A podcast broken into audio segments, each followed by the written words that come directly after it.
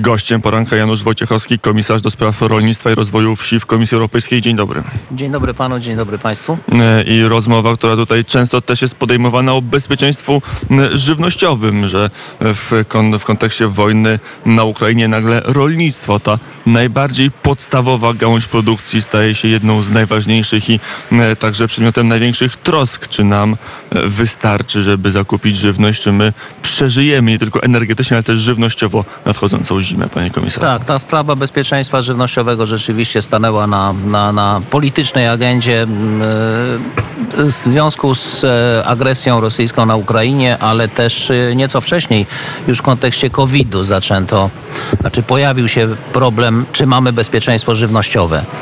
Mamy zapewnione. Mówię tu, że zarówno w skali Polski, jak i w skali całej Unii Europejskiej e, bezpieczeństwo żywnościowe w takim wymiarze krótkoterminowym i średnioterminowym, czyli w perspektywie no, najbliższego roku czy najbliższych pięciu lat nie jest zagrożone. Nie, nie grozi ani Polsce, ani Unii Europejskiej brak żywności. Natomiast czy, czy ono będzie zapewnione na, na, na dłuższy okres, na, na w takiej dłu- długoterminowej perspektywie, no to trzeba już to bardzo gruntownie przemyśleć, jaka ma być polityka rolna na e, kolejny, e, kolejny okres i rolnictwo wymaga wzmocnienia, wymaga krótko mówiąc większej pomocy. E, na razie mamy ten, to, te fundamenty polityki rolnej, mamy Krajowy Plan Strategiczny dla polskiego rolnictwa. Bardzo się cieszę, że został przyjęty. Jako Polska- jeden z pierwszych w jako Unii Europejskiej, przed tak. Holandią, przed krajów. Niemcami na przykład. Przed Holandią, przed Niemcami, przed Włochami, przed ważnymi rolniczo krajami. Polska jest w pierwszej siódemce państw gotowym, już zatwierdzonym planem strategicznym. A to znaczy, że rolnicy przez najbliższe pięć lat do końca 2027 roku na pewno będą otrzymywali unijne fundusze. w te meandry polityki unijnej, polityki między rządami państw członkowskich a komisją. Zaraz jeszcze, panie komisarzu, przejdziemy, ale refleksja ogólna. Mówiono parę tygodni temu, parę miesięcy temu przy okazji wojny na Ukrainie o możliwości głodu na świecie. E, Ta wizja już jest oddalona. Już wiemy, że nie będzie e, w Afryce, na Bliskim Wschodzie niedoboru żywności, że to nie spowoduje kolejnych e, mas migracyjnych. Nie, no to ta, ta obawa ciągle jest e, realna. I, natomiast no, yy, udało się w jakimś zakresie pomóc Ukrainie wyeksportować e, część jej zboża. Polska dużo tutaj e, pomocy okazała, ale te korytarze solidarnościowe unijne też, e, też zadziałały, więc e, ten eksport rozwijał się cały czas. No a w końcu jest uruchomiony eksport przez Morze Czarne, więc sytuacja uległa poprawie. Natomiast co, co, czego ja się obawiam i czego należy się obawiać, no to Rosja ma wielkie, historyczne również doświadczenie w, w podboju głodem. E, I zresztą do tej pory już to robiła, w, e, niszcząc infrastrukturę rolną, e, atakując na przykład magazyny zbożowe, czy, czy no nawet wręcz rolników pracujących na polach, bo takie były przypadki, że ginęli rolnicy pracujący na polach, więc to uderzenie w potencjał żywnościowy Ukrainy może spowodować brak żywności na samej Ukrainie i to wtedy, wtedy byłby dopiero gigantyczny problem, więc my musimy robić wszystko, Komisja co się da, żeby wspierać Ukrainę. bierze pod uwagę taki scenariusz, że tej zimy na Ukrainie zabraknie zboża?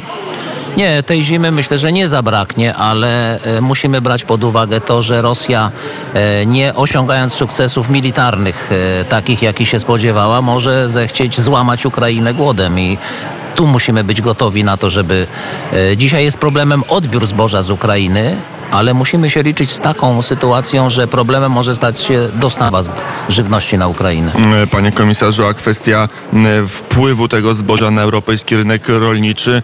E, Europejskie rolnictwo jest nieco inne niż to ukraińskie. Nie ma obawy, że e, przy tej zniesionej barierze celnej e, nagle nasz przemysł rolno-spożywczy, nasi rolnicy będą mieli trudną konkurencję z ukraińskim zbożem. Tę sytuację trzeba oczywiście cały czas obserwować, ale na razie nie ma takich sygnałów, żeby import z Ukrainy zagrażał rolnictwu czy polskiemu, czy europejskiemu. No, choćby sytuacja w zakresie cen jest, e, nie wskazuje na to, że nastąpiło jakieś załamanie rynku.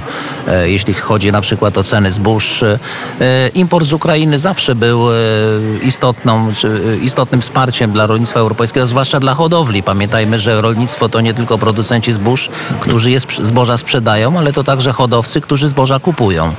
E, Wobec tego ten import, zwłaszcza kukurydzy z Ukrainy, był zawsze e, do Unii Europejskiej, również do Polski i on jest w tej chwili mniejszy niż był przed wojną, więc to jest, e, e, tu nie ma zagrożenia, przynajmniej w najbliższym czasie, ale oczywiście Komisja Europejska bardzo się temu przygląda. Gdyby było zagrożenie, to, to będą wtedy działania. Mm, Panie komisarzu, kwestia mm, nawozów, kwestia produkcji chemicznej, azotowej w Polsce, w Europie. Nie jest tak, że my z problemami żywnościowymi na starym kontynencie zmierzymy się znacznie szybciej niż za 5-10 lat, bo zabraknie nawozów i produkcja rolna spadnie.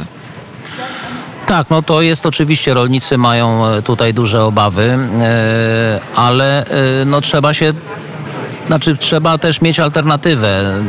Z nawozami prawdopodobnie będzie problem w, e, w najbliższych latach. E, Myślę, że e, no, trzeba też stosować alternatywne metody uprawy, po, które re, trochę zmniejszają potrzeby nawozowe. Dlatego tak bardzo w polskim planie strategicznym postawiliśmy na rozwój hodowli. E, Bo hodowla to jest takie zrównoważenie rolnictwa. Jest hodowla, nawóz? jest obornik, jest naturalny nawóz, jest mniejsze zapotrzebowanie na te nawozy chemiczne. Ale to nie cofamy się do, y, y, do czasów sprzed y, pewnej rewolucji technicznej, jakim były, ja- ja- jaką były nie, nie, nie, nawozy nie, sztuczne? Nie, nie, nie, co, znaczy nikt nie mówi, żeby rezygnować z nawozów, oczywiście.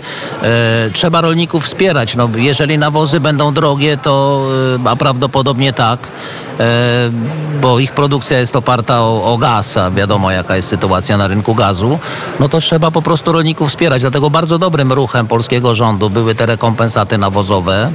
E, trzeba pamiętać, że to jest Polska jako jedyny kraj w Unii Europejskiej zastosowała takie rozwiązanie. To tylko Polska rolnikom pomogła w taki sposób, żeby, żeby ułatwić im za, zakup nawozów. E, w bardzo dużej skali pomoc. E, Słyszałem zapowiedź e, pana premiera, że jest możliwość powtórzenia tej, tej, tej pomocy. Tak, to, to, to, są, to są bardzo dobre działania, ale też musimy promować rolnictwo, które będzie mniej zależne od tych, tych zewnętrznych źródeł, a więc bardziej takie samowystarczalne, bardziej odporne na takie kryzysowe sytuacje. I, to jest właśnie e, między innymi wspieranie hodowli jako e, element takiego zrównoważenia rolnictwa. Mm, Panie komisarzu, na ile jest tak, że polskie rolnictwo może po tych całych zawirowaniach wyjść silniejsze na tle państw europejskich? W Unii Europejskiej, nie tylko w Polsce, mm, stopuje się produkcję nawozów, mm, a Pols po- polski rolnik ma dopłaty, ma te nawozy w miarę dostępne, za jak będzie na wiosnę, to jest tak, że nagle polskie rolnictwo stanie się bardziej konkurencyjne, będzie więcej produkować niż niemieckie, włoskie, francuskie. Polskie rolnictwo ma ogromny potencjał. Przede wszystkim on się, on się wiąże z siłą tych małych i średnich gospodarstw. To jest y, wielki potencjał, dlatego że e, no, tak się powszechnie sądzi, że rolnictwo, żeby było silne, to musi być wielkoobszarowe, to muszą być wielkie hodowle, to muszą być wręcz kombinaty rolne. A i one teraz to wraca do mody, panie komisarzu, że mówi się, Tak. w tej chwili mamy kłopot z tą żywnością, więc produkujmy tam, co się robi najbardziej efektywnie, a najbardziej efektywnie na hektar robi się często w tych dużych przemysłowych No gospodarstwach. właśnie nie, bo się to y, jakby wy, wy, wyniki, czy, czy po prostu dane statystyczne z rolnictwa pokazują, że wcale nie tam, gdzie rolnictwo jest prowadzone w dużej skali, on, ono jest najbardziej wydajne. No, jesteśmy e, w Karpaczu, obok są Czechy z bardzo dużymi gospodarstwami rolnymi. Największe gospodarstwa rolne e, w Unii Europejskiej mają Czechy, bo średnia takie gospodarstwo ma 130 hektarów.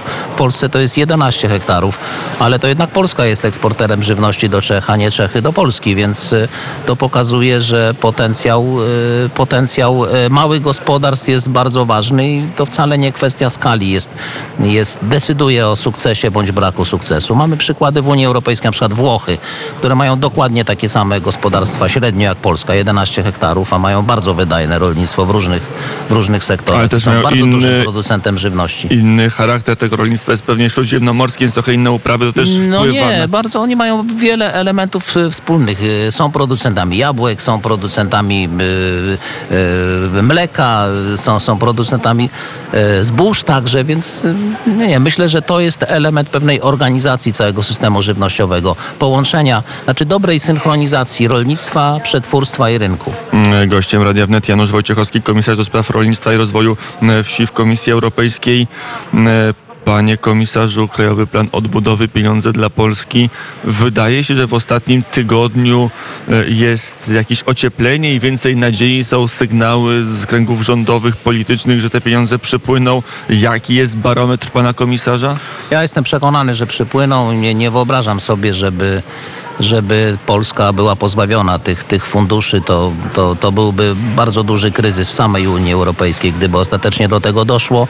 Chcę bardzo wyraźnie powiedzieć, że e, nie ma jeszcze stanowiska Komisji Europejskiej. Są poszczególne wypowiedzi, indywidualne wypowiedzi różnych osób. Raczej nieprzychylne. Vera Jourowa mówi e, nie dawać, Timmermans mówi to, trochę podobnie. To są ide- no to akurat te osoby, które pan wymienił, były przeciwne za zatwierdzeniu Polskiego Krajowego Planu Odbudowy budowy, więc to nie jest nic nowego, tego typu wypowiedzi, ale to nie, nie, to nie jest większość e, komisji. większość, większość, większość, większość komisji przyjęła polski plan odbudowy 1 czerwca no w przekonaniu, że Polska jest już na dobrej drodze do tego, żeby spełnić te wszystkie kamienie milowe, które są z, zawarte w tym planie odbudowy, więc e, myślę, że ten, to stanowisko zwycięży ostatecznie w komisji. Komisja jeszcze nie zajęła stanowiska w kwestii zaakceptowania polskiego wniosku o płatność, bo ten wniosek jest ciągle w, w przygotowaniu. To I nie, dalszy, dalej nie, się, nie został wysłany do Brukseli, do Komisji Europejskiej wniosek, wniosek o płatność, bo rząd chce mieć pewność, że jeżeli wniosek wyśle, to pieniądze tak, dostanie. To jest, to jest naturalne, bo żeby nie, nie, nie, nie, nie przedłużać tego, e, tej dyskusji, ale sądzę, no, różne były wypowiedzi na temat, na temat tego, czy Polska spełnia te kamienie milowe, głównie te dotyczące praworządności. No więc ja chcę powiedzieć mój pogląd, absolutnie spełnia. E, ta, ta kwestia związana z odpowiedzialnością sędziów za, za wyroki, bo mm, no jest takie, takie e, e, niektóre wypowiedzi wska wskazują, że sędzia w ogóle nie może być po, pociągany do odpowiedzialności za jego orzeczenia. Wcale tak, tak nie jest, bo wręcz z wyroku TSUE, Trybunału Sprawiedliwości Unii Europejskiej, wynika, że w pewnych sytuacjach sędzia może i powinien odpowiadać za, jak wielu za orzeczenia. Komisarzy to, to ma, wynika z wyroku. Jak wielu komisarzy ma takie same zdanie jak e, pan komisarz, że, że to, co przyjął polski Sejm, ta ustawa pana prezydenta wypełnia kamienie milowe? No, yy, panie redaktorze, zatwierdzenie KPO 1 czerwca yy, odbywało się już po uchwaleniu przez Sejm tej prezydenckiej ustawy. Jej główne założenia były znane członkom komisji. Jeżeli komisja wtedy decydowała o przyjęciu polskiego KPO, no to znaczy, że, e, że była przekonana co do, co do dobrego kierunku, jaki, jaki wprowadza ta ustawa. Pan komisarz nie tylko rolnictwem się, się zajmuje w swojej karierze politycznej, a jeszcze przedpolitycznej był sędzią z systemem prawnym. Pan komisarz był związany. E, czy jest taki głos, jest taka wola w Komisji Europejskiej, żeby na przykład e, także do Krajowej Rady Sądownictwa dojść, żeby, żeby te propozycje czy wymagania Komisji Europejskiej także przywróciły poprzedni kształt tego ciała? Panie redaktorze, nie ma, nie ma takiego e, żądania, które, które miałoby jakikolwiek prawny charakter. My się trzymamy i, i, i jakby bazą w tej chwili dal, dalszych negocjacji jest to, co wynika z wyroku Trybunału Sprawiedliwości Unii Europejskiej. I tam rzeczywiście jest kwestia zakresu możliwej odpowiedzialności sędziów za, działa, za ich działalność orzeczniczą. I tam jest kwestia przywrócenia sędziów odsuniętych od orzekania. Przy czym e, no, trzeba bardzo wyraźnie powiedzieć, że nikt nie może przywrócić sędziów odsuniętych orzeczeniem sądu od orzekania, tylko sąd może to w, w A zdaje że komisja, przynajmniej Wera Jurowa chce, żeby to rząd zrobił, bo takie, tak można czytać li, literalnie sygnały, tak, które tak płyną z komisji, było, niech rząd przywróci sędziów. Ja wielokrotnie to, to wyjaśniałem, że e, ani, ani rząd tego nie może zrobić, ani premier, ani minister sprawiedliwości, ani nawet parlament, Sejm jakąś ustawą to musi być zrobione orzeczeniem sądowym. Oczywiście ustawa ma stworzyć pewną procedurę. Procedura została stworzona e, w tej ustawie, nazwijmy to prezydenckiej, więc są wszelkie warunki, żeby, żeby e, no, czy, czy sędziowie będą wszyscy przywróceni, czy, czy niektórzy z nich, no to zdecydują o tym sądy w procedurze. Procedura jest. A czy komisarz Jurowa tego typu argumentację przyjmuje, czy nie? Wie pan, no, ja nie chciałbym tutaj z, e, jakoś nad, nadmiernie eksponować poglądów jedne, jednego z członków komisji. Myślę, że one nie są decydujące i nie będą decydujące, jeśli chodzi o całą komisję.